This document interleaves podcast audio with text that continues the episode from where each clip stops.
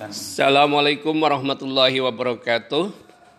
Eh, semangat pagi, semangat berjumpa kembali dengan kami di channel podcast Mutu Kehidupan. Hari ini kita akan berbincang tentang hal yang sederhana yang dilakukan sebagai penyangga hidup agar eh, orang bisa bekerja, berusaha, menegakkan ibadah dan mencari ilmu dalam kehidupan sehari-hari. Akan bertindak sebagai host Pak Margono dan juga eh, akan berbincang tentang bagaimana sekitar budidaya eh, kambing. Pada Pak Margono, kami persilahkan semoga pemirsa dalam keadaan sehat, produktif dan berdaulat. Silakan Pak Margono. Biar. Alhamdulillah Bismillahirrahmanirrahim Assalamualaikum warahmatullahi wabarakatuh Waalaikumsalam warahmatullahi wabarakatuh. Eh, Pertama marilah kita selalu banyak bersyukur pada Allah Yang kedua selalu meningkatkan iman dan takwa kita kepada Allah Amin. Amin. Eh, Pada pagi hari ini yang cerah ini Marilah kita eh, sedikit sekilas berupaya dalam rangka pemberdayaan umat melalui ternak kambing. Seperti kita contohkan bahwa Nabi itu eh, adalah seseorang yang peternak atau penggembala kambing. Artinya bahwa ternak kambing itu sangat mulia, sangat mulia untuk eh, mungkin dalam masyarakat kecil untuk pengembangan ekonomi lokal mungkin ya gitu aja. Karena potensi bahan makanan untuk makanan ternak itu cukup. Yang kedua eh, permintaan daging kambing di masyarakat itu masih kurang sekali. Artinya eh, tidak ada keseimbangan antara suplai daging dengan permintaan sehingga eh, masih ada peluang yang besar untuk peternak kambing. Lah, marilah pada pagi hari ini kita mengulas bagaimana sih cara beternak kambing yang baik, mungkin dari awal, dari persiapan, mungkin kandang, mungkin modal dan lain sebagainya. Untuk itu, monggo Pak Taryanto sebagai sekaligus pelaku usaha ternak kambing mungkin ada eh, konsep khusus dari persiapan mungkin sampai bisa memberikan nilai jual sehingga menghasilkan suatu laba yang cukup dan akhirnya bisa menghidupi keluarganya mungkin itu Pak monggo Pak Terima kasih Pak Margono. Assalamualaikum warahmatullahi wabarakatuh. Waalaikumsalam Para pemirsa podcast Mutu Kehidupan di mana pun Anda berada. eh, budidaya kambing itu sederhana tapi juga sulit Pak Margono. Oh, ya. Sederhana ya dari segi ruangan yang dibutuhkan tidak terlalu besar. ya ya tidak terlalu besar dan tidak terlalu eh, banyak bahan yang dibutuhkan gitu. Rumitnya karena kita ngurusi makhluk hidup itu, Pak. yang yang kalau salah kelola sedikit itu bisa mengancam nyawanya gitu loh, Pak. Mengancam nyawanya gitu loh. Oleh karena itu eh, sebagai makhluk hidup itu eh, sebenarnya kambing itu punya kebutuhan eh, yang gizi berimbang juga Pak Margono.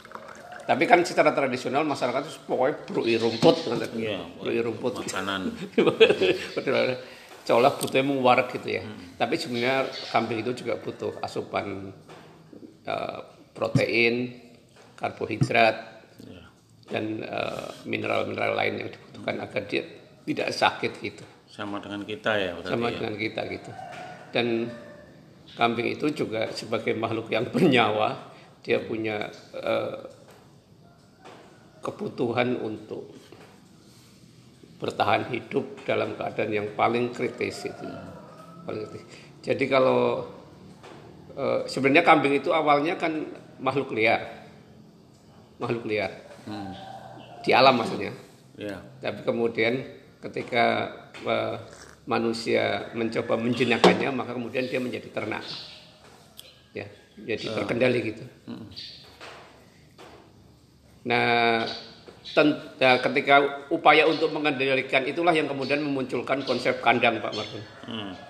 Kandang yang paling tradisional itu adalah pohon, diikat di bawah pohon. itu yang paling tradisional agar dia tidak lepas lagi. Kemudian eh, tahap yang kedua adalah tidak diikat di bawah, tapi kemudian dikasih pagar sekitarnya. Tapi dalam perkembangan modern kemudian dibuatkan kandang permanen. Gitu. Itu itu. Dari segi pakan, semula kambing itu bisa bertahan hidup dan berkembang di alam dengan apa irama irama mekanisme yang dia punya gitu. Tanpa manusia butuh memberi makan gitu ya. Dia tahu apa yang dibutuhkan oleh dirinya gitu. Tapi kemudian ketika kemudian manusia menyekat dalam proses budidaya, dia kan tersekat dari alam. Iya kan? Nah, maka itulah di situ peran peternak. Peran peternak dia harus menyiapkan apa yang biasa dia cari sendiri di alam, manusia harus menyiapkan. Nah, di proses budidaya itulah kemudian muncul intervensi-intervensi manusia. Dia harus mencarikan pakan alaminya, pakan tambahannya, airnya, terus kemudian membersihkan kandangnya karena selama ini sebenarnya yang menyuburkan alam itu kan binatang-binatang. Dia mengambil dari alam, kemudian fesesnya kembali ke alam dan itu menyuburkan kembali. Tapi ketika kemudian di budidaya kan fesesnya ke- itu ada di kandang, Hmm. di kandang. Dan itu un- untuk bisa ke kembali ke alam har- butuh proses pengangkutan lagi. Saya kira itu Pak Margun. Ya, mungkin singkat padat aja Pak, mungkin dari awal mungkin kita persiapkan pandang, kandang, kemudian pemilihan bibit dan lain sebagainya. Lah itu mohon untuk dapat dijelaskan. Eh, mungkin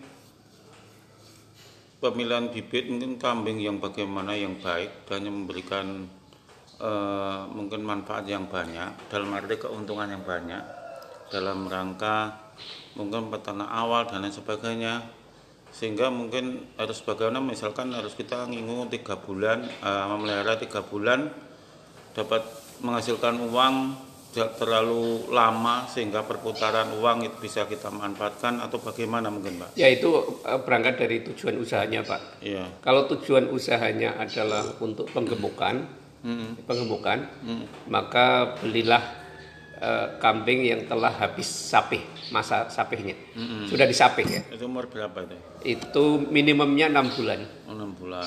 ya, ya itu enam bulan. Artinya kalau enam bulan itu dia sudah menyusunya sudah berkurang karena dia sudah bisa cari makan sendiri, sudah bisa makan sendiri. Enam bulan ya. Nah, usahakan ketika memilih itu ya eh, tidak sakit Iya. tidak sakit, kemudian tidak cacat lah, ya. tidak cacat. Dan artinya eh, kaki, mata, telinga itu sehat lah gitu. Kemudian yang kedua kalau tujuannya adalah untuk peranakan atau untuk breeding, maka eh, pilihannya adalah yang sudah siap masuk masa kawin. Masa masa kawin kambing itu eh, yang paling bagus sebenarnya 12 bulan. 12 bulan itu artinya Satu eh, tahun. sudah ya itu sudah siap matang lah Pak. Kalau 9 sampai 12 bulan itu ma- dia masih coba-coba lah gitu. Itu setiap jenis kambing itu berbeda-beda atau hampir sama? Hampir sama. Cuma kalau eh, kambing Jawa itu dia eh, 3 sampai 4 kali beranak dalam 2 tahun. Hmm. Tapi kalau kambing yang gibas atau yang putih, ya, yang gibas itu, dia bisa dia bisa lima kali dalam dua tahun. Nah kalau kambing gibas itu karena begitu 40 hari setelah dia menyusui, itu dia sudah siap kawin lagi. Hmm. Sementara kalau kambing jenis kambing Jawa itu adalah eh, dia kalau anaknya belum belum disapih dia belum mau kawin lagi gitu. Hmm. hmm. Nah, eh, cuma memang ada kesulitan-kesulitan ketika eh, kambing belum disapih ya. Disapih itu anak mudah sakit gitu, Pak. Itulah yang menjadikan orang-orang Jawa memelihara kambing sekurang-kurangnya sampai di sapi. Di Sape itu sampai enam bulan ya, Enam Pak? bulan itu tadi gitu Pak.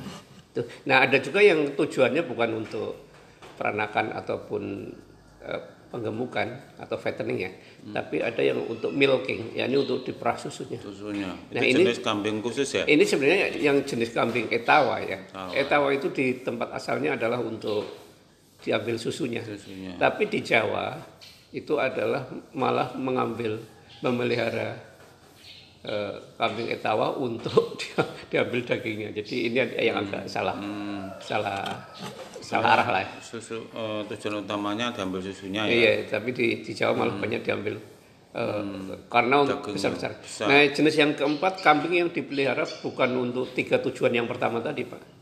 Tapi untuk kambing ini entertainment, untuk hiasan dan perpanggungan. Itu yang untuk lomba-lomba dan adu-adu. Oh, yang dilombakan itu untuk diadu maksudnya? Iya gitu. Jadi dia misalnya untuk hias atau untuk lomba kayak gitu. Itu jenis kambing apa Pak? Itu yang banyak kambing Garut ya. Kambing Garut itu yang yang ini apa tanduknya mungker itu ya? emang belungker itu itu nah itu itu jenis-jenis yang dia besar dan tanduknya panjang tapi melengkung ya melengkung. Dan itu menjadi Apa gibas itu ya? Bukan ya? bukan lagi bukan lagi nah itu dari segi jenisnya dan tujuannya gitu Pak Margono Hmm. Eh, sekarang dari anu Pak pemeliharaan, mungkin Pak Taranto eh, berdasarkan pengalaman itu memelihara sekian bulan, mungkin untuk diambil keuntungan itu itu yang ideal itu yang bagaimana? Mungkin jenis kambing khusus, misalkan Jawa.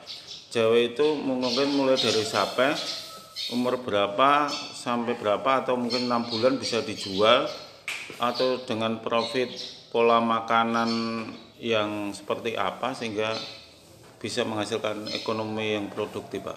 ya kalau saya sih pengalaman saya masih terbatas di peranakan ya Pak ya Hmm. peranakan. Jadi eh, kalau misalnya kita jual kambing sapeh ya, lepas sapeh ya, lepas sapeh itu masih kemudian muncul pembedaan di pasar adalah itu jantan atau betina, Hmm. ya. Kalau lepas sapeh jantan itu setelah umur enam bulan itu sudah bisa berangka 900 sampai 1 juta Umur umur 6 bulan ya. hmm. ya 900 sampai 1 juta. Tapi kalau itu betina dia akan tertekan di antara 600 sampai 700 Hmm. itu ya. Itu untuk 6 bulan. Nah, kemudian kalau dipelihara setelah umur 6 bulan sampai kemudian untuk pejantan ya. un- Sampai kemudian dia siap menjadi hewan kurban itu butuh dipelihara satu tahun lagi sehingga dua tahun lah. Dua tahun. 8 bulan 18 bulan sampai 2 tahun. Dia itu artinya nanti dia poel poel itu artinya berganti gigi Hmm. dari gigi seri menjadi gigi yang untuk produksi. Menjadi lebih besar nanti Pak, giginya. Itu tanda poel ya tanda poel dan itu kan kalau misalnya kita beli 900 atau 1 juta umur 6 bulan ya itu nanti ketika eh, masa Idul Adha itu kan sudah 2,3 sampai 3 juta lah ya. Mm-mm. itu jadi kira-kira itu Kalau musim penghujan ini mungkin bagi peternak itu kan cari rumput pada malas pak ya hujan-hujan. Lah itu apakah sudah diperhitungkan misalkan beli makanan eh, apa konsentrat ya itu ya polar atau apa saya tidak tahu. Itu kira-kira hitungannya bisa masuk enggak pak? Jika dibandingkan dengan makanan yang alami misalkan rumput, daun dan lain sebagainya ijon-ijon yang penting. Eh, kalau kemudian eh, semua makanannya itu harus beli, maka dia akan menjadi pengurang hasil akhir. Hmm. Gitu ya. Jadi marginnya menjadi sedikit Hmm. karena habis untuk itu. Nah, yang kalau musim penghujan relatif tidak terlalu berat hujan, tapi masih ada barangnya ya rumputnya gitu. Yang berat justru ketika musim kemarau. Oh malah kebalik ya. Oh ya, musim kemarau itu. Nah, jadi musim kemarau kan kambing tetap harus makan, sementara pasokan di alam kan mulai berkurang, berkurang jauh. Paling berat adalah pada bulan eh, Agustus, September, Oktober. Itu bulan paling berat. Dan banyak eh, kejadian di Wonogiri pada bulan-bulan itu orang menjual ternak. Jadi kalau mau beli beli itu pada bulan-bulan itu. Mm-mm. musim, ke- musim kemarau ya Iya, jadi itu karena banyak artinya eh, penawaran di pasar banyak. Berarti nilai jual atau nilai keuntungan itu tergantung dari eh, asupan makanannya ya Pak ya Jenis jenis kelamin Jenisnya. kambingnya Ah. sama asupan makanannya. Oh, itu artinya eh, apa nek budidaya secara secara apa ya agak banyak lah itu kalau ndak bisa mencari hijau-hijau rumput dan lain sebagainya itu berarti ya nek di kalkulasi kasih makan beli itu kan ya ndak begitu aneh pak ya Tidak efisien. Se- secara ekonomi tidak begitu menguntungkan ya pak ya Karena apa? Jadi- hampir 65% urusan ternak itu dipakan, Pak. Hmm. Ya, dipakan. Jadi untuk menjadi peternak yang tangguh, jadi perlu eh, bagaimana caranya dia eh, siap suplai makanannya ya, Ya, mensiasati makanannya. menjajati makanan. Jadi antara gabungan antara makanan alami dengan konsentrat. Nah, oleh karena itu kalau misalnya makanan kambing kita anggap 100%, maka kalau kalau petani peternak bisa eh, menyiapkan yang 70% ya dari makanan alami, maka konsentratnya hanya 30% saja gitu. Tapi kalau keadaannya dibalik menjadi sangat sangat riskan. Untuk pemula itu kalau melihara kambing itu idealnya berapa pak? Misalkan 5 atau 2 atau 3 itu Kalau untuk pemula eh, maksimumnya 5. 5 saja ya. 5. 5 dengan kalau kalau mau untuk pemula ya. 5 itu dengan dua indukan, Dua betina. dua betina, kemudian dua anakan Nah, dan satu pejantan. Oh gitu. Berarti ada anakan, ada satu pejantan dan dua indukan ya, babon itu ya. Hmm. Hmm. Nah, nanti ketika dalam enam bulan, enam bulan anakan yang sudah lepas sapi itu, Hmm. dia akan menjadi induk baru. Hmm. Induk baru. Berarti kan pada akan menjadi regenerasi ya. ada kemudian dia akan digantikan oleh indukan yang mudah beranak lagi gitu. Hmm. Sementara pejantannya bisa dipertahankan. Gitu. Iya, demikian Pak. Mungkin masih perlu di- dilanjutkan besok karena apa? Waktu. Terima kasih. Semoga bermanfaat bagi kita semuanya. Bahwa intinya peternak kambing itu sesuatu pekerjaan yang sangat mulia. Terima kasih atas perhatiannya. Mohon maaf atas kekurangannya. Assalamualaikum warahmatullahi wabarakatuh. Waalaikumsalam.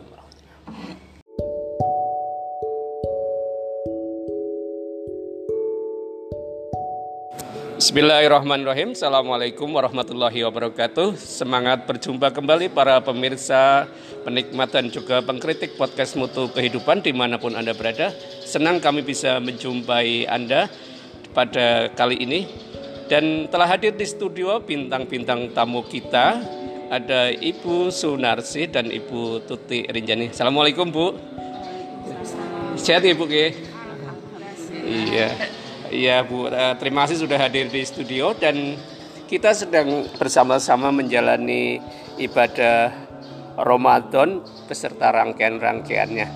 Nah, kali ini kita akan berbincang tentang eh, hal yang sederhana, yakni tentang apa sih sulitnya menghadapi bulan Ramadan dan bagaimana ini sebagai bulan pembelajaran bagi masyarakat secara luas gitu ya. Kita mulai dulu dari Ibu Sunarsi Ibu. Ya, eh, sebagai ibu dan juga berpengalaman di pendidikan, apa sih yang sulit bagi ibu-ibu ketika menghadapi bulan Ramadan, Bu? Sebenarnya Pak, itu kalau menurut secara umum tidak sulit karena eh, dalam menghadapi Ramadan itu juga perlu makan, Ya, perlu mempersiapkan apa segala fasilitas seperti sehari-hari. Hmm. Namun kadang-kadang kita sendiri yang apa ya Pak istil- istilahnya itu mengada-ada. Iya Pak, itu secara umum itu wajar. Jadi mengada-ada maksudnya lebih dari yang dibutuhkan gitu. Ya, seandainya kita tuh ya menyediakan yang penting ada sayur, ada lauk pauk, Hmm, kemudian ya ka- ditambah susu bisa Iya, buah itu. hmm. Tapi kadang ada tambahan cola, ada roti, jadi kadang-kadang itu kita mempersiapkan itu terlalu lebih. Oh. Jadi sebaiknya eh, kami himbau di, di masyarakat itu membiasakan seperti kita hari-hari biasa. Wajar ditambah buah itu sekali Hmm, atau kolak kalau sudah ada kolak nggak usah roti itu jadi kita biasakan seperti itu. Jadi menghadapi lebaran juga tidak pusing Pak karena lebaran itu ya Pak tujuannya kan gitu. Ponakan banyak saudara banyak dan diharapkan kalau orang Islam itu kan banyak sodako. Hmm. nah, jadi kalau kita bisa menghemat itu apa mempersiapkan diri sedini mungkin itu juga akan lebih baik lebih eh, terprogram gitu pak. Artinya kalau eh, begitu perhatian ibu-ibu tidak hanya habis pada eh, menyiapkan masakan ibu, Ya, sebenarnya enggak. Ramadan maksudnya bisa untuk Ramadan yang lain gitu kan? Bisa, Ya. itu luas Pak. Gitu. Terutama saudara, keluarga dulu, saudara, dan kalau bisa juga tetangga, juga ke fakir miskin itu Pak. Apakah eh, penting bagi ibu-ibu untuk mengalokasikan waktu di bulan Ramadan ini untuk eh, menambah belajar agamanya bu? Itu malah justru lebih penting Pak. Eh. Di samping kita mempersiapkan eh, menu sehari-hari, kita juga memprogramkan peningkatan agama bagi keluarga khususnya. Tapi sulitnya apa ya bu bagi ibu-ibu untuk eh, melakukan tadi menambah waktu meskipun 15-20 atau setengah jam sehari gitu. Ya, sebetulnya kalau di menit tidak sulit Pak. Namun kita tuh kalau sudah puasa itu penyakit malasnya ada. Karena satu biasanya siang ma- makan atau pagi makan itu tidak jadi ngantuk itu kemudian kegiatan sore hari mungkin ada pengajian atau ada mempersiapkan itu. Tapi kalau sudah di menit itu insya Allah bagi masyarakat tidak ada yang keberatan. Kalau eh, Bu Sunarsi untuk Ramadan tahun ini punya target apa nih dalam hal amalan keagamaan dan amalan sosial? Ya insya Allah itu dari pribadi ya Pak saya mentarget itu paling tidak Wendy Wanjus Oke. itu ya Oke. kalau bisa ditambah kemudian ya untuk keluarga itu kan ya tahu sendiri keluarga itu belum belum bisa mengimami dengan baik insya Allah mendorong suami untuk mengarah atau lebih belajar dengan giat untuk keagamaan Pak. Kemudian ke lingkungan ya sebisanya kalau eh, ada yang itu siang hari ada yang anak-anak makan atau bagaimana ya diingatkan. Oke. atau kegiatan yang kurang pas itu juga diingatkan Oke, terima kasih Bu Sunarsi. Semoga sehat dan target Ramadan kali ini bisa dicapai dengan baik. gitu.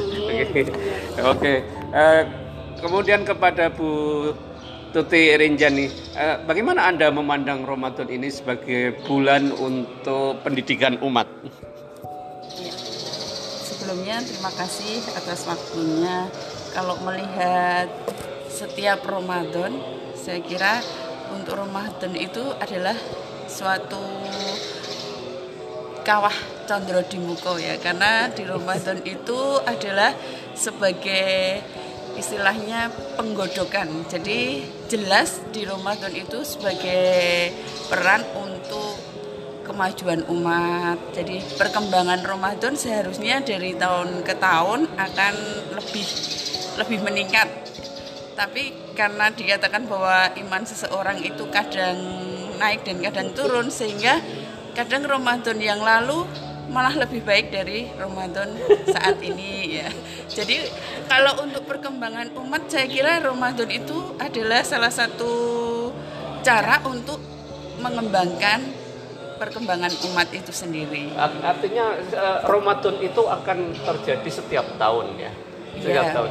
Apakah ada kecenderungan bahwa orang terjebak pada pola yang sama, artinya rutinitas saja dan tidak menemukan hal, mengembangkan hal-hal baru Iya, untuk kejadian yang semacam itu bisa jadi terjadi.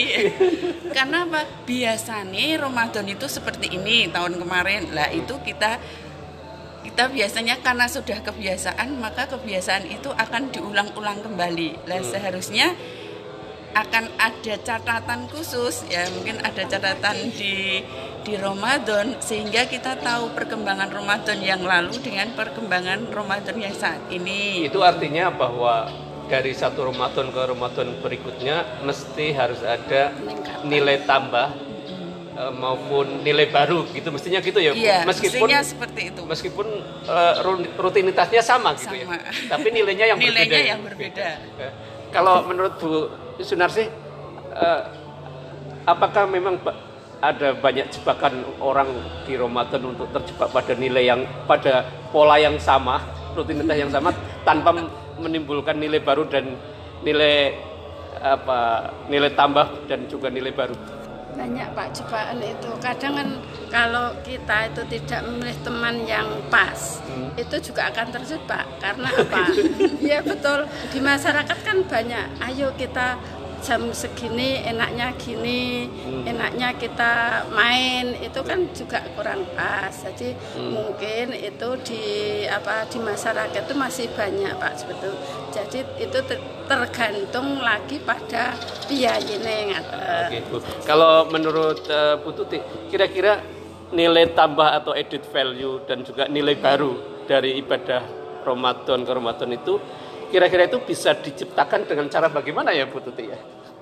bisa diciptakan dari misalnya di target target seseorang ya. Mungkin kalau di rumah tangga kalau anak-anak itu targetnya mungkin di pondok ada target. Tapi kalau di rumah itu mungkin sudah kacau itu ya.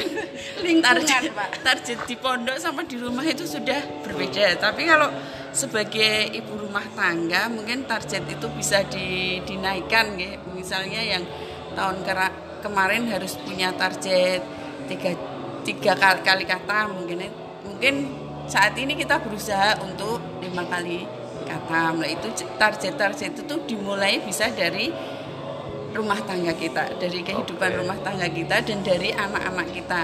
Dan tadi sudah saya saya ungkapkan bahwa untuk anak-anak itu kadang target kalau tidak diawasi ya ya sudah ya? meleset.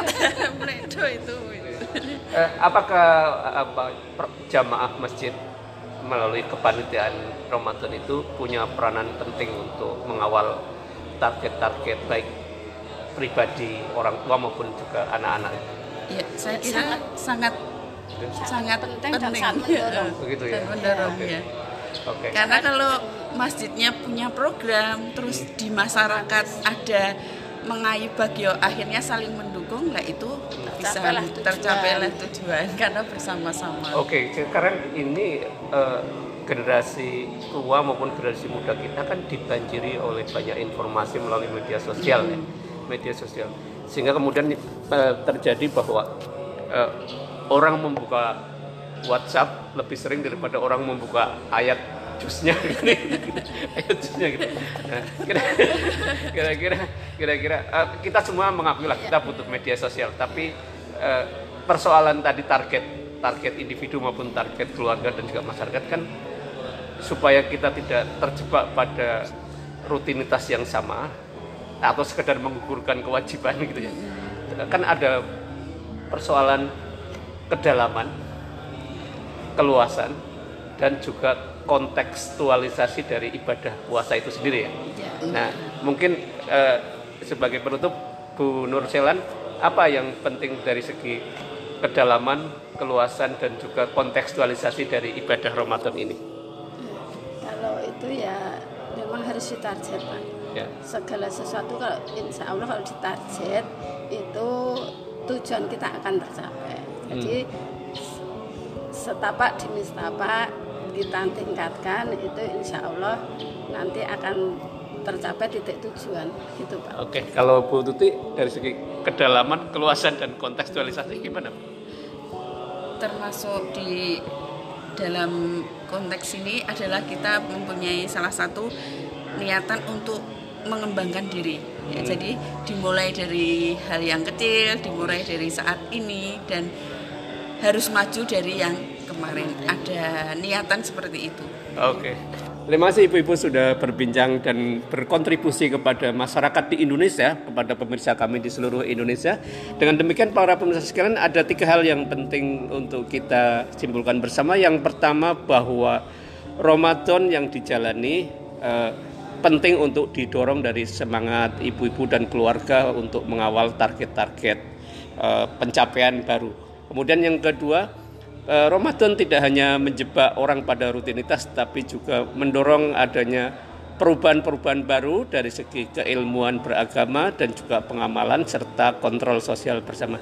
Dan yang ketiga bahwa eh, Ramadan penting dimanfaatkan untuk pengembangan hal-hal baru sehingga kemudian Ramadan menam- memberi nilai tambah dan nilai baru bagi eh, perubahan yang berkelanjutan di Indonesia.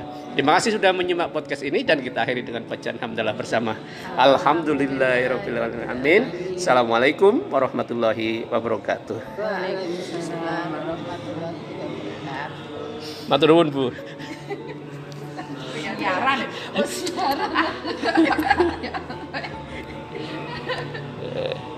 daripada tidur ya itu kan rumah itu Yes. lagi kan Bismillah. lagi karena nambah keberadaan itu tetapnya saya tidak Belum, kerekam belum bisa di stop malah. Yes.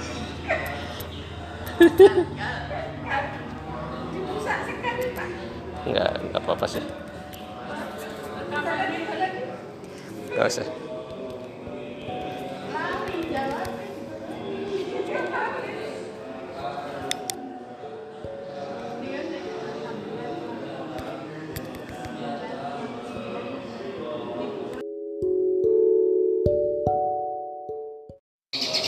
Bismillahirrahmanirrahim. Assalamualaikum warahmatullahi wabarakatuh.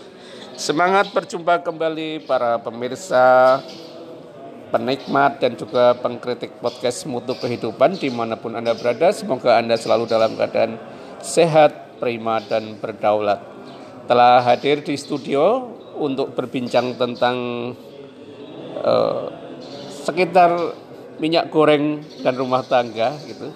Ada Ibu Susilawati. Assalamualaikum Bu. Waalaikumsalam. Sehat nih Bu Ki? Alhamdulillah. Ya ya iya Pak. Bu. Iya. Ini para pemirsa kami ini sedang pada ribut dan resah tentang minyak goreng ini Bu Sel- selama dua bulan ini kok kayaknya daya belinya ada tapi barangnya yang langka gitu ya. Sebenarnya apa sih yang terjadi kalau di rumah tangga khususnya Bu kalau minyak goreng itu eh, tersedia dalam jumlah sedikit atau tidak ada gitu Bu? Gimana ya Pak?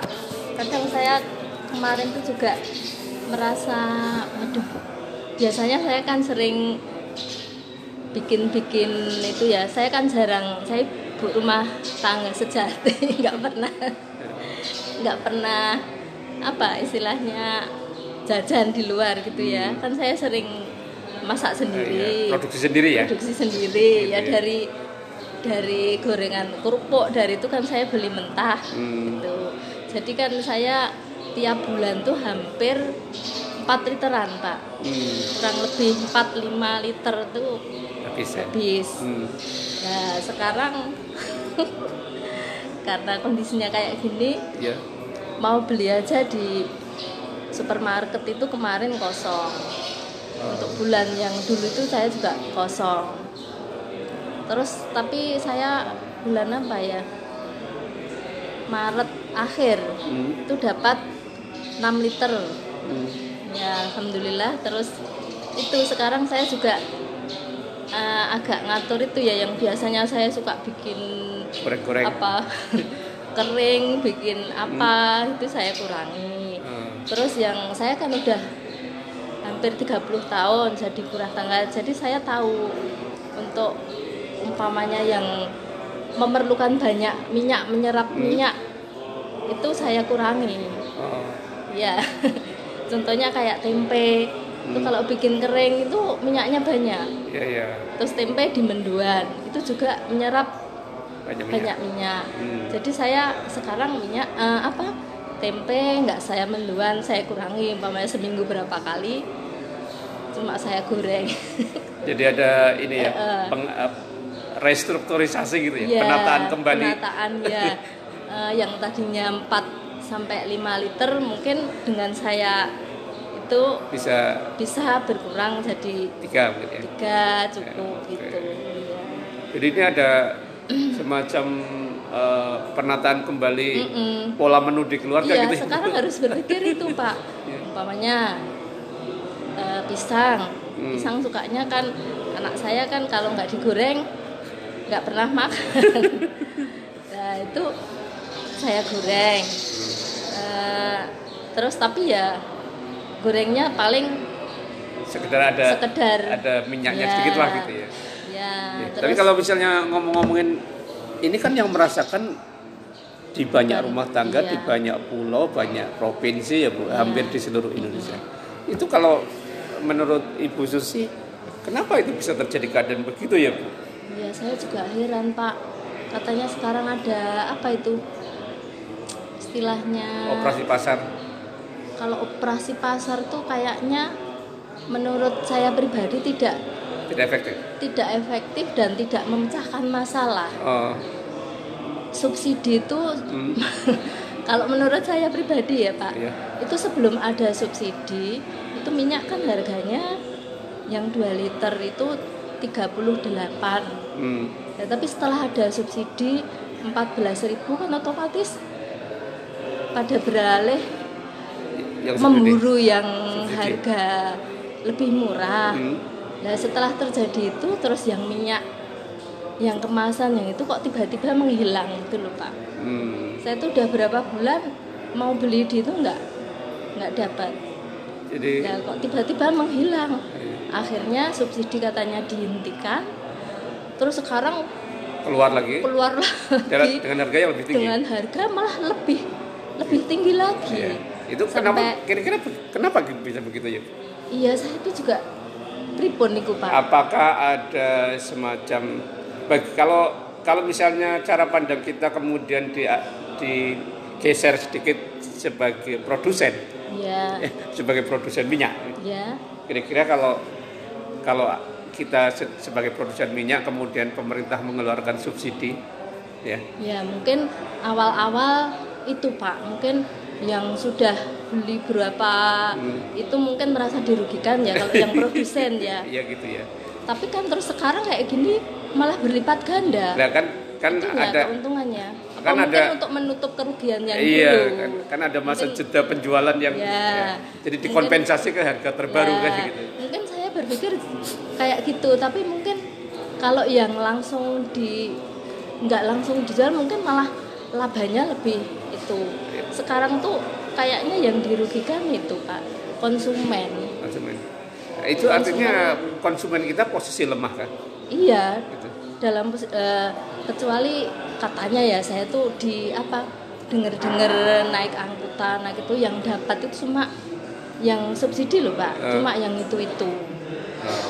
Dan saya lihat di TV itu juga orang beli pakai jerigen-jerigen mungkin kebutuhannya cuma berapa liter karena kondisi kayak gini terus rame-rame beli dalam jumlah banyak nggak sesuai kebutuhan kan mungkin juga bisa pak Oke. karena kelangkaan tuh menurut saya kayaknya Kalau gitu. begitu jika disederhanakan lagi Bu, sebenarnya apakah sebenarnya di keluarga itu eh, kebijakan untuk pengaturan pola konsumsi ya. Ya. Pola konsumsi di keluarga yang yang berimplikasi pada penggunaan minyak itu lebih dipengaruhi oleh keputusan ibu atau keputusan bapak biasanya. Eh, maksudnya apa, apa apakah menu ini harus pakai minyak Oh, goreng iya. atau tidak itu biasanya keputusannya di bapak atau di ibu gitu kalau itu saya ya kadang pertimbangan pertimbangan bapaknya kadang pengen digoreng. Terus saya gini kan ini udah umpamanya lauk ya pak. Ya udah ada bakwan udah ya udah kerupuknya besok aja. Eh, jadi nggak semua digoreng. Eh, Heeh, terus umpamanya disiasati masak yang kayak kemarin tuh gudang. Gudang tuh urap tuh loh pak. Ya, ya. terus apa tumpang itu Jadi- kan nggak nggak perlu minyak goreng jadi yang apa kebutuhan minyak gorengnya sangat rendah atau tidak Heeh. ada gitu. ya memang harus pikir-pikir Jadi gitu. dengan apa eh, kejadian minyak goreng itu keluarga-keluarga di Indonesia menjadi menata ulang pola pola Ya, menggorengnya ya. juga ya belanja itu pola kalau masak Pola masaknya pola juga ya. masak terus kalau belanja itu pak eh, waktu dihitung itu ya dikit-dikit tapi kalau pas pas minyak goreng itu langsung jelek gitu loh. Iya sekarang kan eh, harusnya minyak goreng cuma anggarannya berapa ya? Pokoknya naiknya separuh lebih. Artinya dengan kenaikan harga minyak goreng di posisi harga terbaru, ibu rumah tangga menjadi makin rasional Iya, dalam jadi berpikirnya lebih gitu ya. itu Iya, ya gitu. Harusnya Nah, bisa umpamanya uang segini bisa untuk gini-gini sekarang gimana ya, ya itu harus harus, harus di, di ditata iya, ulang ya. iya terus harus Oke. mengurangi Manajemen biasanya heeh, biasanya Iya, tight manipulasi. ya saya istilah kayak bahasa-bahasa gitu itu ya, ya, kebijakan maklum orang eh, ini kebijakan pengetatan pinggang untuk minyak goreng. ya Tapi kan di bulan puasa Ramadan ini apakah konsumsi minyak goreng juga naik? Enggak saya itu. ah, turun ya? Ya sekarang malah turun. Nggak banyak yang goreng-gorengan? Ya Oh gitu. ya saya nggak banyak goreng-gorengan. Di samping terus di samping eh, ada penurunan konsumsi siang hari ya. ya Apakah. Ka- tapi apakah tidak konsumsi di siang hari kemudian diganti di belakang sore gitu? itu dalam jumlah yang banyak yang itu apa berimplikasi minyak goreng atau enggak? enggak saya saya udah kompromi sama bapaknya sekarang karena juga usianya pak saya juga Hmm. kolesterol terus sekarang ya harus dipaksakan sendiri Oh, untuk mengurangi untuk itu ya karena langka terus juga karena itu Pertimbangan kesehatan. Mm, pertimbangan kesehatan juga itu sekarang Hmm, oke. terus dulu suka kalau saya tuh dulu suka masak-masak yang itu tuh kan untuk anak-anak Hmm. kan ada yang di Klaten tuh kan kan saya Oh, gitu ya. bikinin apa Yang gitu kan anu, yang agak yang jelas Tuh. itu sekarang kualitasnya kan kualitas minyak Hmm. itu kan turun dulu itu pakai yang ya mohon maaf pakai yang apa kelas foto apa apa yang kelas saya biasanya Sanko, tropikal yang super super ya? tropical super super. Sekarang kan hanya minyak sa into E. Itu kan kualitasnya belum kita ngerti. Hmm.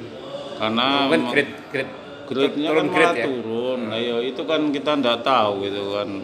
tapi Ada kalau di supermarket koles- lengkap pak ada Sanko ada itu kita tinggal milih kemarin saya juga dapat Sanko tropikal soalnya saya tuh kalau minyak itu pakai yang ya yang istilahnya agak mahal sedikit ya pak tapi ternyata itu malah menghemat Hmm. Jelas daripada ya. yang Karena bisa beberapa kali ya. Heeh.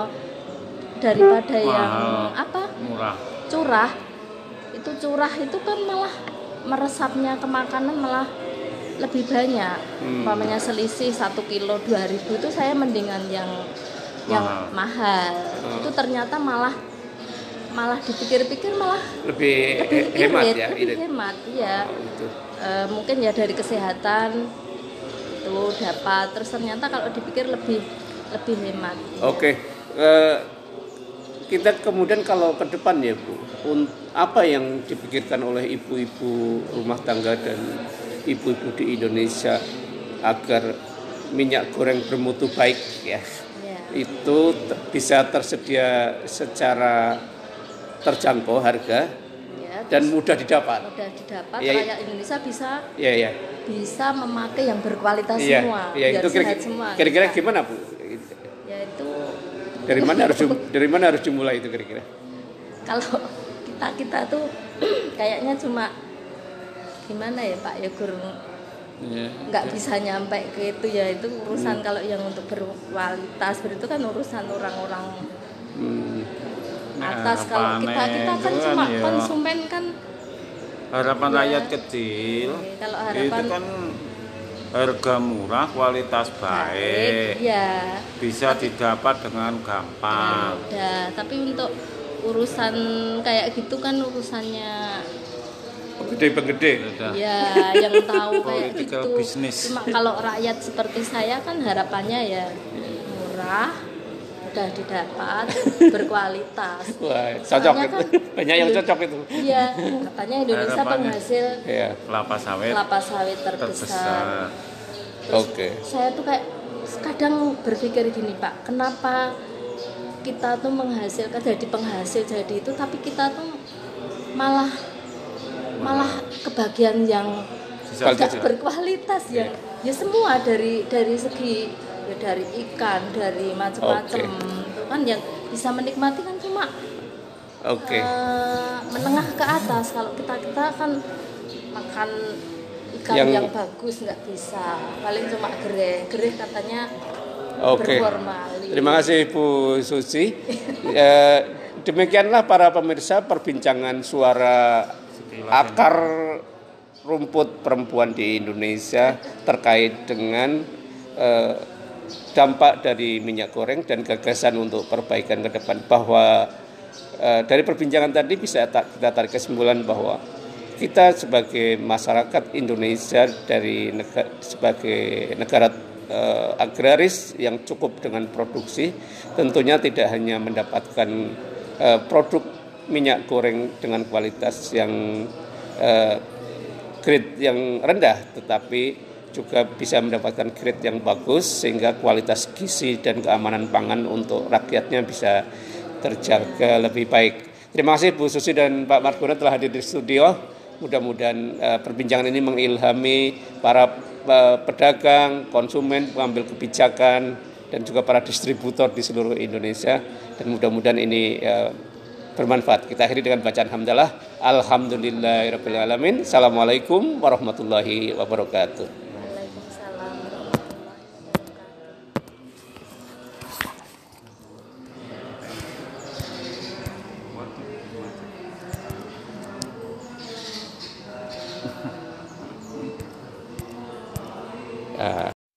Bismillahirrahmanirrahim. Assalamualaikum warahmatullahi wabarakatuh. Semangat berjumpa kembali para pemirsa dan juga pendengar serta pengkritik podcast Mutu Kehidupan di mana pun Anda berada. Senang kami bisa menjumpai Anda. Semoga Anda selalu dalam keadaan sehat, prima, dan berdaulat. Kali ini kita akan berbincang hal yang sederhana, yakni tentang pengalaman ibu-ibu memanfaatkan pekarangan di masa bulan Ramadan. Untuk membahas itu telah hadir di studio orang-orang yang berpengalaman dalam kehidupan ini. Ada Ibu C. Hartuti dan juga Ibu Sri Suyati. Selamat pagi Bu. Sehat Ibu Ge? Alhamdulillah. Alhamdulillah. Nggih. Terima kasih sudah berkenan hadir di studio kami. Dan eh, ini puasa lancar ini Bu? Iya, baik. Nah, kali ini kita akan bincang tentang eh, pengalaman ibu-ibu sekalian yang ini pengalaman ini ditunggu oleh masyarakat se-Indonesia. Para pendengar kami yang ada di eh, Amerika, di Uni Emirat Arab, di Jepang, di Korea dan juga di Eropa juga turut mendengarkan siaran ini. Mudah-mudahan dari siaran ini nanti banyak memberi manfaat. Eh, kita mulai dulu dari Bu Sri Suyati. Pengalaman Ibu Sri eh, apa yang Ibu rasakan ketika misalnya melihat kondisi sekitar rumah ada kelihatan tidak nyaman, panas, gersang, terus atau belum banyak dimakan. Apa yang waktu itu dipikirkan, Bu? Bismillahirrahmanirrahim. Yang saya pikirkan satu satu biar tidak panas, mari kita untuk menanam penghijauan. Biarpun ladangnya perumahannya sempit, nanti bisa pakai pot atau polybag yang lebih berguna mari kita menanam seperti warung hidup yang nantinya bisa bermanfaat bagi kita semua Pernah merasakan eh, kondisi, ru- kondisi rumah sangat panas, Bu? pernah Pak Terus apa yang rasanya gimana Bu kalau eh, waktu panas itu? yaitu tadi untuk mengurangi rasa panas kita bisa menanam pot-pot misalnya bunga atau warung hidup yang bermanfaat seperti lombok, terong gitu Pak. Wah itu malah jadi kayak kebun jadi nanti ya Bu? Iya tidak seberapa. Iya. Misalnya lahannya yang sempit nanti bisa pakai polybag atau pot-pot. Oke, matur nuwun Bu Sri. Bu Tuti, eh, dalam pengalaman Ibu bekerja di bidang pertanian, apakah kesempitan lahan itu menjadi kendala, Bu? Terima kasih. Memang kalau kita sepintas, wah kayak lahannya sempit, mau saya tanami apa gitu. Tapi kalau kita pandai-pandai, kebetulan di sini saya sebagai kader pak, kader dari Pokja 3, yaitu yang membidangi lahan pekarangan, tata rumah gitu. Dengan demikian lahan sempit itu di- bisa dimanfaatkan sebaik-baiknya. Bisa kita menggunakan barang-barang bekas yang tidak terpakai. Tapi ibu-ibu kebanyakan ya sok rasanya kemayu pak. Pak, barang bekas kotor gitu. Tapi kalau sudah kita pertama harus seneng dulu. hmm, Oke. Kalau kita sudah senang dengan kotor itu menjadi menyatu, kita menjadi bisa memanfaatkan barang bekas yang ada. Contohnya kita sering ada kunjungan dari desa itu ceteng pak, ceteng Ya. dari plastik itu. Kan itu menumpuk tidak berguna.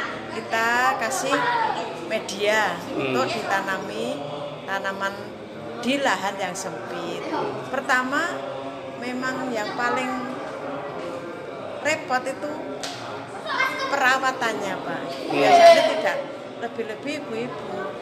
Tanaman kalau belum tumbuh sedih gitu. Nanti setelah tumbuh eh sebulan ada ular lah itu. jadi sebenarnya sempitnya pekarangan rumah bukan berarti menyempitkan pikiran pemiliknya gitu ya? Tidak. Pikirannya tetap harus besar kan gitu, Iya, luas gitu. dengan sempit itu kita praktis. Hmm. Eh, kok ini taruh sini tidak Pas. Nggih, tidak pas kita geser, Geser. Selain Oh. mengurangi panas, itu tadi Oh gitu. bisa menanam penghijauan di sekitar pakai Kalau misalnya dalam pengalaman eh, Bu Sri, eh, berapa uang yang biasanya dibelanjakan untuk beli sayur mayur eh, dalam sebulan, Bu? Ya tidak menentu Pak. Iya, biasanya sekitar berapa itu? Kurang lebih satu hari itu 50 apa 40 Hmm. tergantung nanti apa yang mau dimasak. Terus se- artinya itu dibeli di warung berjalan gitu ya. Ya. Nah, terus kemudian ketika bisa memanfaatkan pekarangan, ya, Ya. apa yang biasanya kemudian sudah dihasilkan oleh pekarangan dan kemudian menjadi kita tidak beli di warung atau di bakul.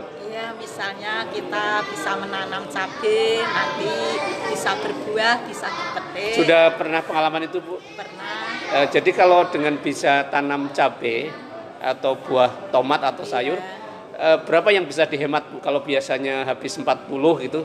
Ya, lebih kurang dikurangi 5.000 untuk cabai jadi 35 atau 30 Terus? cabai nggak beli sayuran lainnya tidak beli Jadi kalau misalnya eh, cabenya 5000, sayuran lainnya sekitar berapa? Bu?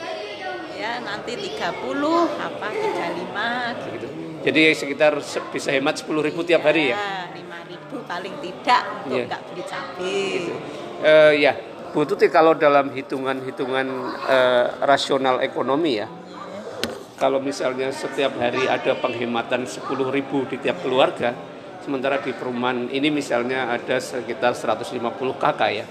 150 kakak kali 10.000 itu kan sama dengan berapa? Satu setiap hari ya, Bu? Setiap hari gitu ya. Tapi kita ngatur ini saja. Iya. Kita rata-rata menghemat 5.000 saja Pak. Ya. Bagi per orang itu 5.000 katakan kali 30. Ketemunya 150. Hmm. Tapi dengan setiti yang 5.000 itu kita masukkan omplong. Hmm. Nanti ketika bayar listrik kita sudah tidak kerugiakan. Hmm. Mampu untuk bayar listrik dan air 150. Itu satu kakak. Di Giri Asri ada 150 kakak. Kali berapa? Itu dari segi pemanfaatan pekarangan yang ada. Seperti Bu Sri Suyati itu di samping ada cabai, sayuran tuh lebih penghematan karena beliau tanamannya ada selada, ada Hmm. lain-lain. Bisa menghemat 10.000, kita 5.000, katakanlah rata-rata satu orang 5.000. Itu sudah hemat sekali. Oke, artinya sebenarnya di komplek perumahan ini ada sekitar kalau di rata-rata 5.000 kan ada se- sekitar 750 ribu Ya, setiap hari setiap ya? hari. setiap hari gitu Coba nggih, Jadi- kalau setiap hari itu kita bisa bisa kumpulkan sebagian kita sedekahkan ya gitu Pak sudah kita menanam di sini dapat insya Allah menanam di sana juga Oke, Eh, apakah ada kesulitan-kesulitan apa yang biasanya dijumpai oleh para ibu untuk memulai? Ya, ini sekarang persoalannya mengubah pikiran, eh, jadi willingness to start atau keinginan untuk memulai. Biasanya apa yang sulit untuk memulai bagi ibu-ibu? Mungkin dari Bu Sri dulu, pengalaman dulu sulitnya memulai men- memanfaatkan pengarangan apa Bu dulu? Itu ya mulainya sulitnya bagi menanam itu mencari bibit Hmm. mencari itu politik misalnya apa barang bekas tiap siang tiap hari kalau musim kemarau ya disirami Hmm. biar jadi bisa tumbuh. Di perumahan terkadang ada wong ngurusi suami dan anak saja sudah susah suruh ngurusi tanaman. Ada, ada apakah ada ungkapan seperti itu bu ya tidak pak. Itu malah bisa menambah untuk kesenangan untuk hiburan untuk menyisa waktu yang senggang. Kalau dalam pengalaman bu Tuti gimana itu bu? Kesulitan untuk memulai? Untuk memulai itu ya, kesulitan pertama dari rasa wegah dulu Pak. Eh, males. Katakan ngopo dadak nandur kosor-kosor wong tuku sayur we.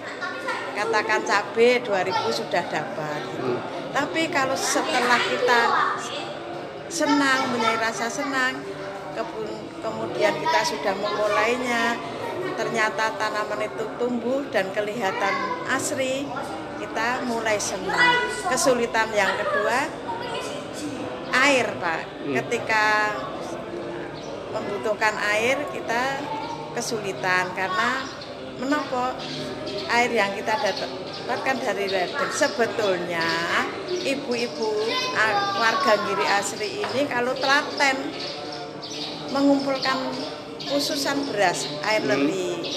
Air leri itu bermanfaat sekali. Terkadang ya lupa gitu. Ternyata seiring dengan berjalannya kesulitan-kesulitan yang kita alami. Ada program dari hatinya PKK Pak. Ya. halaman tertib indah nyaman itu. Oh ternyata ada contoh. Tempatnya Bu Sri Suyati. Tirik-tirik api kok kepingin lah. Dari minat kepingin akhirnya semua warga di sini tumbuh rasa sayang akhirnya semua mendapat sampai sekarang Pak katakan ketika cabai itu harganya 125 Bapak perso sendiri tempat saya itu tidak pernah beli itu Iya, iya. Oke, baik. eh, terima kasih Ibu Tuti dan Ibu Sri atas sumbang saran pengalamannya. Eh, demikianlah para pemirsa bahwa eh, keinginan untuk memulai memang sulit, tetapi bisa dicoba ya, bisa dicoba dengan mengikhlaskan hati untuk meluangkan waktu di bulan puasa ini eh, untuk mengisi waktu dengan mengumpulkan barang bekas yang bisa dipakai, mengumpulkan media, kemudian mencoba menanamnya. Yang kedua, pemanfaatan pekarangan bukan hanya membantu kita untuk mencukupkan pasokan udara bersih atau oksigen di sekitar kita, tapi juga menjadi sumber pendapatan ekonomi sekaligus untuk penghematan pengeluaran keluarga yang itu meningkatkan stabilitas keluarga. Dan pemanfaatan pekarangan juga memberikan suasana indah untuk kehidupan bersama sehingga kemudian anak-anak bisa bermain nyaman pemandangan indah memberikan semangat baru bagi setiap generasi. Uh, terima kasih sudah menyimak uh, siaran ini dan kita akhiri dengan bacaan hamdalah bersama. Alhamdulillahirobbilalamin. Assalamualaikum warahmatullahi wabarakatuh. Waalaikumsalam warahmatullahi wabarakatuh. Bismillahirrahmanirrahim. Assalamualaikum warahmatullahi wabarakatuh. Semangat berjumpa kembali para pemirsa, pendengar, dan juga penikmat serta pengkritik podcast Mutu Kehidupan. Senang kami bisa menjumpai Anda. Semoga Anda selalu dalam keadaan sehat, prima, dan berdaulat. Kali ini telah hadir di studio Pak Reni Hoshairos dari Belanda. Beliau sedang uh, berkiprah dalam bisnis uh, pengembangan bisnis uh, pelatihan di Indonesia. Selamat sore Pak Reni. Selamat sore. Selamat sore. Uh, ya, terima kasih sudah berkenan hadir di studio kami. Uh, begini Pak Reni, para pemirsa kami itu uh, ingin mendengar kabar tentang bagaimana sih pandangan orang Belanda tentang uh, Indonesia kan gitu kan. Orang Indonesia itu. Nah terkait dengan itu mungkin ada tiga pertanyaan Pak Reni yang nanti mungkin bisa Pak Reni berikan jawaban. Uh, yang pertama adalah dari perjalanan panjang belajar sejarah di Universitas Gajah Mada. Terus apa yang uh, paling menarik dari mempelajari sejarah Indonesia termasuk hubungan antara Indonesia dengan Belanda, Pak Reni? Uh, ya itu pertanyaan menarik. Sebenarnya um, yang paling impress untuk saya itu bahwa Indonesia itu negara yang warna-warni dan negara yang gede banget dari Sumatera sampai Papua ada banyak pulau um, dan kalau kita lihat ke sejarah itu sangat impresif bahwa Indonesia memang menjadi satu negara. Karena setiap pulau punya uh, budaya berbeda bahasa berbeda. Tapi akhirnya mereka menjadi satu negara. Jadi dalam sejarah saya menurut saya itu ya sangat-sangat um, wah itu luar biasa. Karena sampai sekarang sudah 70 berapa ya? Eh, uh, 70 lebih tahun Indonesia menjadi um, Republik Indonesia. Jadi dalam masa itu ada banyak uh, hal yang mungkin bisa um, uh, apa ya split up uh, beberapa pulau untuk yang mau menjadi republik sendiri. Tapi sampai sekarang Indonesia memang satu negara dan itu ya menurut saya dalam sejarah Indonesia uh, modern itu sangat uh, ya luar biasa. Itu butuh upaya sangat besar ya. Ya. Itu mahal sekali itu nilainya. Ya, karena kalau kita lihat sekarang juga keba- kepada Uni Eropa ada banyak negara-negara kecil. Hmm. Uh, negara Belanda itu juga kecil, itu mungkin sama dengan provinsi Jawa Barat hmm. size-nya. Uh, jadi kalau kita lihat ke negara Indonesia, biasanya saya membandingkan itu bukan dengan negara Belanda tapi dengan Uni Eropa oh, karena okay. itu ukurannya sama sama. Okay. Ya. Baik Pak Reni. Uh, kok Anda lebih berminat belajar sejarah ya di ketika belajar di Gajah Mada, tidak belajar ilmu-ilmu yang lain. Apa sih pentingnya belajar ilmu sejarah bagi kaum muda baik di Belanda maupun di Indonesia, Pak Reni? Nah, sebenarnya saya bukan uh, khusus uh, uh, apa ya jurusan sejarah. Sejarah itu cuma bagian dari uh, studi saya, tapi untuk anak muda uh, sejarah itu penting karena menurut saya kita harus tahu kita dari datang dari mana dan kita bisa belajar dari sejarah dan sama dulu um, untuk memperbaiki masa depan kita jadi ada banyak um, lessons uh, kita bisa belajar dari ya uh, orang tua kita dan lebih sebelumnya oke okay. uh, Pak Reni kan ketika belajar sejarah eh, antara sejarah sebagai sains atau ilmu hmm. dengan sejarah sebagai sebuah fakta masa lalu. Seringkali kan orang ketika mempelajari sejarah lebih eh, ada klaim-klaim sebelum belajar sejarah itu sendiri ya gitu ya. Nah, sehingga kemudian eh, tidak fair gitu ya. Nah, menurut eh, Pak Reni, apa yang perlu diperbaiki dalam belajar sejarah eh, baik sejarah Indonesia, sejarah maupun sejarah Belanda dan sejarah dunia ini ke depan oleh orang-orang yang belajar sejarah? Em, menurut saya yang paling penting itu aktivitas dan eh, di antara orang. Waktu saya di SD atau SMP SMA, saya belajar sejarah dari buku dari perspektif Belanda dan mungkin di Indonesia ada anak yang belajar sejarah di- dari perspektif Indonesia. Saya belum pernah baca buku SD eh, sejarah Indonesia, tapi mungkin itu berbeda dengan sejarah Belanda.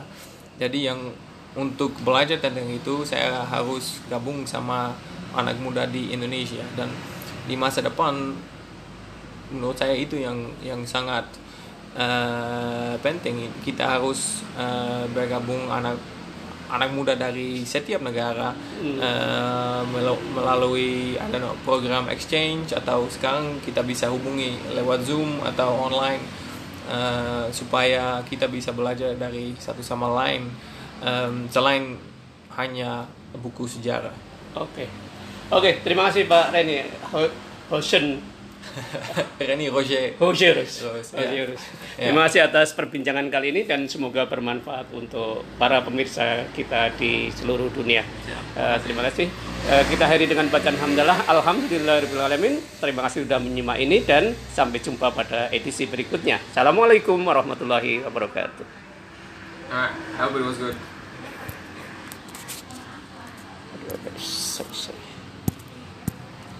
Tidak bisa di stop.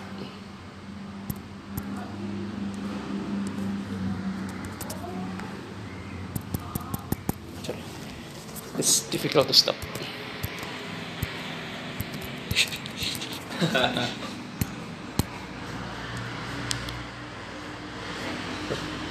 ah, recording nggak ya? Nggak tahu ya. Ah. uh, belum belum mau di stop. Oke. Bismillahirrahmanirrahim. Assalamualaikum warahmatullahi wabarakatuh. Semangat berjumpa kembali para pemirsa dan pendengar serta pengkritik podcast Mutu Kehidupan di mana pun Anda berada. Kali ini kita sedang melakukan siaran bersama antara podcast Mutu Kehidupan dan Umat, berdaya. Umat Daya. Kali ini kita akan berbincang tema yang sederhana, yakni membuat orang lain senang dan orang lain suka, bahagia, berbahagia. Yakni, eh, dengan demikian kita akan berbincang dalam bahasa campuran kar- karena lebih eh, Jadi, merupakan perbincangan santai setelah liburan lebaran untuk menapaki kehidupan-kehidupan yang mungkin penuh tantangan setelah lebaran ini. Telah hadir di studio ada Pak Sigit Adu Susilo, Pak Joko Supriyanto dan Pak Margono. Assalamualaikum Pak. Alhamdulillah. Sehat-sehat ya Pak. Nggih. Nggih. Nah, baik eh, kita mulai dari eh, yang sederhana dulu kepada Pak Margono dulu ya. Ke Pak Margono. Eh, dalam kehidupan orang Jawa itu ada istilah eh, renes dan juga remen gitu ya. Yang renes saya tanyakan kepada Pak Margono, yang remen saya tanyakan ke Pak Joko, dan kemudian nanti yang ketiga happy, ya. saya tanyakan kepada Pak Sigit gitu ya. gitu ya. Gitu. Kita mulai dari Pak Margono dulu. Eh, pertanyaannya adalah apa yang dimaksud dengan renes dalam eh, kesadaran orang Jawa dan bagaimana itu mewujudkannya Pak Margono? Iya Pak, langsung aja Alhamdulillah. Assalamualaikum warahmatullahi wabarakatuh. Waalaikumsalam. Dan langsung saja, kalau konsep saya yang pertama untuk membuat seneng itu bermula dari diri kita sendiri. Yang pertama, kita buatkan hati kita itu seneng. Kemudian yang kedua, lingkungan kita itu menyenangkan. Nah, dari kedua sisi ini, ini kita cari faktor pendukungnya. misalkan yang membuat senang itu apa? Wah, ada makanan komplit seperti yang disediakan Pak Joko ini. Alhamdulillah. Ini membuat kita itu senang. Renes ya, renes. Ya, senang dan renes lah itu. Pas luwe. Terutama lama enggak ngobrol kita suasana begini alhamdulillah menyenangkan. Ini buat saya terus terang menyenangkan, menyenangkan. Jadi eh, dua sisi, hati kita senang, lingkungan menyenangkan, itu yang membuat kita itu senang. Lah senang itu kita terus merucut ke bahagia. Nah, terus terang saya ini bahagia, bahagia pada pagi hari ini. Bisa bertemu dengan apa, ada kopi, ada snack yang dari Pak Joko, wah itu sudah luar biasa. Renes ini, Pak, ya? Renes dan ini rahmat Allah ini. Alhamdulillah. Jadi Renes itu dekat ke rahmat Allah ya Pak? ya? Iya, gitu Pak. Alhamdulillah. Oke, baik. Ma- Terima kasih Pak Margono. Eh, Pak Joko, eh, apakah menjadikan orang lain menjadi senang, berbahagia dan bersyukur atau dados keremen itu menjadi sesuatu yang penting dalam kehidupan sosial dan ekonomi Pak Joko? Ya. Kasih.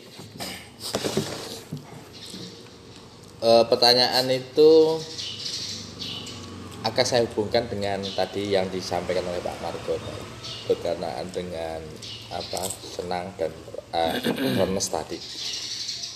Eh, menurut saya remen itu kesenangan atau kebahagiaan yang eh, dilakukan secara terus menerus jadi continue. Continue. Wah, jadi seperti ini. Saya remen ngaji. Iya. artinya remen itu terus. Ada rutin di situ ya? rutin terus remen. Artinya dibangun dari dibangun kerutinan. dari kerutinan dibangun dari kesadaran. Kalau senang nah, senang. Itu hanya saat.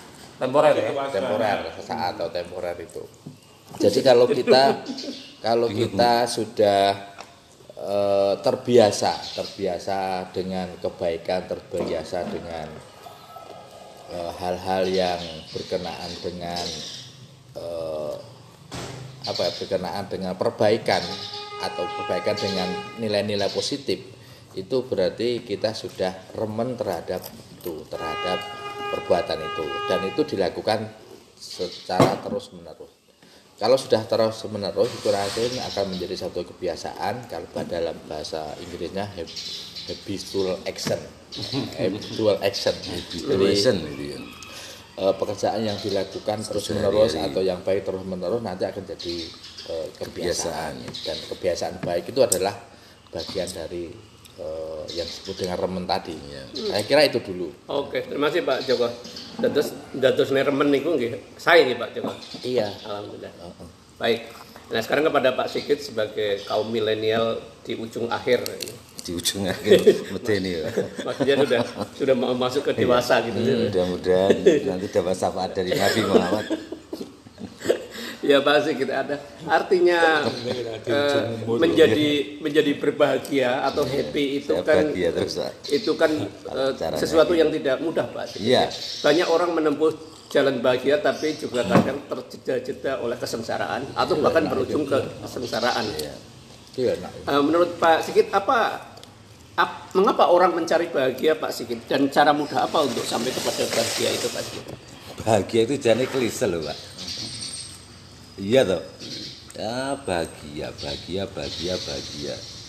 Tapi bahagia saya bahagianya Pak Tar, bahagianya Pak Joko mungkin beda-beda gitu. Ya. Jadi di sini tuh ada apa jeneng itu? Eh, rasanya dede, Pak. Mengartikan sebuah bahagia itu. Relatif. Bahagia saya mungkin beda dengan bahagia Pak Margono. Karena itu situasi yang melingkupinya baik dari diri sendiri maupun luar. Yang penting cuman gini kok masalah happy itu. Happy itu dasarnya gimana kita mensyukurinya saja kita itu. Ya, ya. Ya, ya. Di situ. Apa pun keadaannya. Iya, Oh. berkecukupan belum tentu bahagia. Wah. Iya toh. Tapi kalau berkecukupan Tapi kalau ya. bahagia berkecukupan itu alangkah lebih baik. Apalagi berlimpah. Iya. Berbahagia gitu ya. Ya kuncinya cuman jadi nggak bisa dihitung bahagia kita itu sama gitu. Artinya bersyukur itu menjadi sarana dan kunci penting untuk berbahagia gitu, Iya, Sigit, ya. di situlah kita masih diberi hidup, itu juga itu. Nah yang penting yang itu toh Pak, bersyukur toh Pak. susah pun itu juga rezeki sebenarnya untuk mengingatkan kita bahwa kalau nggak ada bahagia ya ora iso ngrasake susah gitu loh jadi di sini itu dibuat kontra itu memang orang itu biar bisa menilai. Ada miskin ada kaya.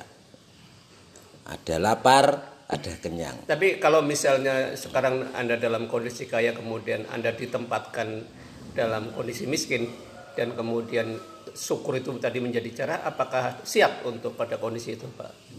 Ya, sekarang Wah, begini. bertanya. Eh, saya kira orang itu kita nggak tahu ke depannya seperti apa. Ya makanya kan Ya, itu, toh. ya. makanya kan Jadi kita saya kira harus- di sini tuh eh, itu titah sebagai manusia, ya toh, Hmm. sebagai dari kalik kepada umatnya.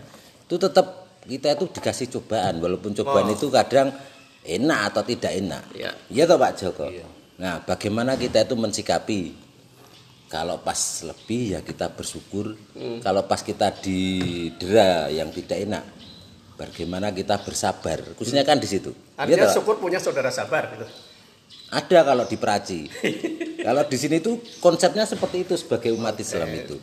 Jadi pas kita itu dapat eh, apa ya gambar cobaan enak, kita itu bersyukur. Lah nek pas pada cobaan itu bagaimana kita bersabar, tawakal dan tidak mengurangi iman kita, kewajiban kita sebagai umat Islam. Saya kira itu Oke. Tonden. Oke. Terima kasih Pak Sigit. Oh, iya. Pak Markono, kalau tadi renes itu adalah dalam keadaan serba ada atas apa yang kita inginkan gitu Pak. Pak Markono ya itu renes ya, sehingga kemudian menjadikan remen kan gitu. Remen.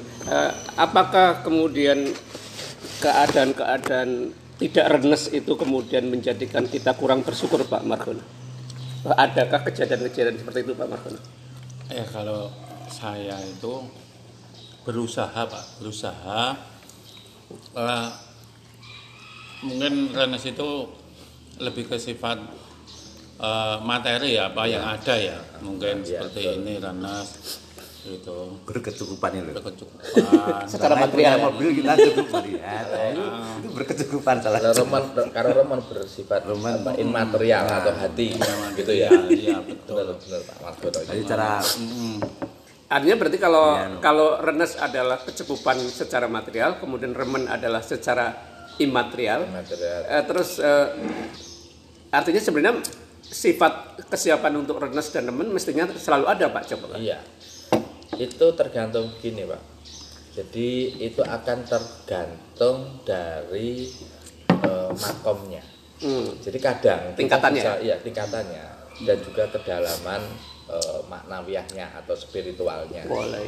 iya, soalnya begini. Jadi itu tadi pertanyaan Pak Taryanto berkenaan dengan Pak Sigit. Sekarang dalam keadaan berlimpah, terus kita harus bersyukur. Dalam ke- keadaan miskin atau kekurangan juga harus terus secara drop tergradasi menjadi keadaan miskin. Orang wajar, orang normal itu pasti mereka akan nelongso begitu. Jelas. Tetapi kalau orang yang dan itu manusia, orang beriman dan punya makom eh, tertentu atau makom-makom di dalam spiritualitasnya dan sudah tinggi atau sudah mencapai khusus atau kos saya kira itu tetap bisa di, dinikmati kesyukurannya gitu. itu challenge-nya malah di situ. Eh. Nah, makanya makanya kalau di sini itu ter, anu, tergantung dari diri kita. Iya. menempatkan diri kita itu itu ter, pada posisi mana. Kalau orang awam pasti mereka akan berpikir wah aduh mesake banget. Wah ini kok rekos banget kok gimana jadi ini tetapi orang tertentu orang yang punya kos tertentu makam tertentu mereka akan bersyukur juga. Wah ini bisa eh, apa misalnya nantinya ya nantinya pengadilan kita lebih lebih ringan. Artinya di pengadilan akhirat. Itu, itu tapi yang kita berusaha untuk ke sana lah Ya, ya. Konsep berusaha ke sana konsep, konsepnya seperti itu kita ya masih masih Konseptual. masih pada taraf eh, Belum apa ya belum sampai makom itu gitu ya. basic jadi Basic ya. kita itu di lingkungan itu gitu. Iya. Jadi kita nggak tahu ke depannya seperti apa, tapi punya kuncinya seperti itu. Ya, jadi kesiapan untuk Iya. berbagai keadaan Iya. jauh sebelumnya sudah disiapkan. Baik, terima kasih Bapak-bapak sekalian. Dengan demikian ada tiga kesimpulan penting yang bisa kita tarik dari perbincangan pagi ini. Yang pertama bahwa keadaan orang itu fluktuatif, bisa naik, bisa turun, bisa berada, bisa serba kekurangan. Ya, Tetapi kesiapan untuk itu adalah dengan dua senjata, yakni senjata syukur dan senjata sabar. Kemudian yang kedua, syukur dan sabar itu harus diterjemahkan dalam berbagai kondisi, baik dalam keadaan serba berkecukupan secara material atau disebut dengan renes, gitu ya, renes, maupun eh, berkecukupan eh, secara imaterial dengan remen, gitu, dengan remen itu. Kemudian yang ketiga bahwa renas dan remen itu bukan hanya untuk diri kita tapi juga untuk orang lain. Dengan demikian menjadikan renas dan remen dan happy orang lain adalah bagian dari proses dakwah yakni menebarkan kebaikan dan kebahagiaan kepada orang lain. Terima kasih sudah berbincang pada pagi hari ini. Eh, Semoga bermanfaat dan memberi inspirasi baru dan kekuatan baru untuk merubah berikutnya. Kita akhiri dengan bacaan hamdalah. Alhamdulillahirrahmanirrahim. Assalamualaikum warahmatullahi wabarakatuh.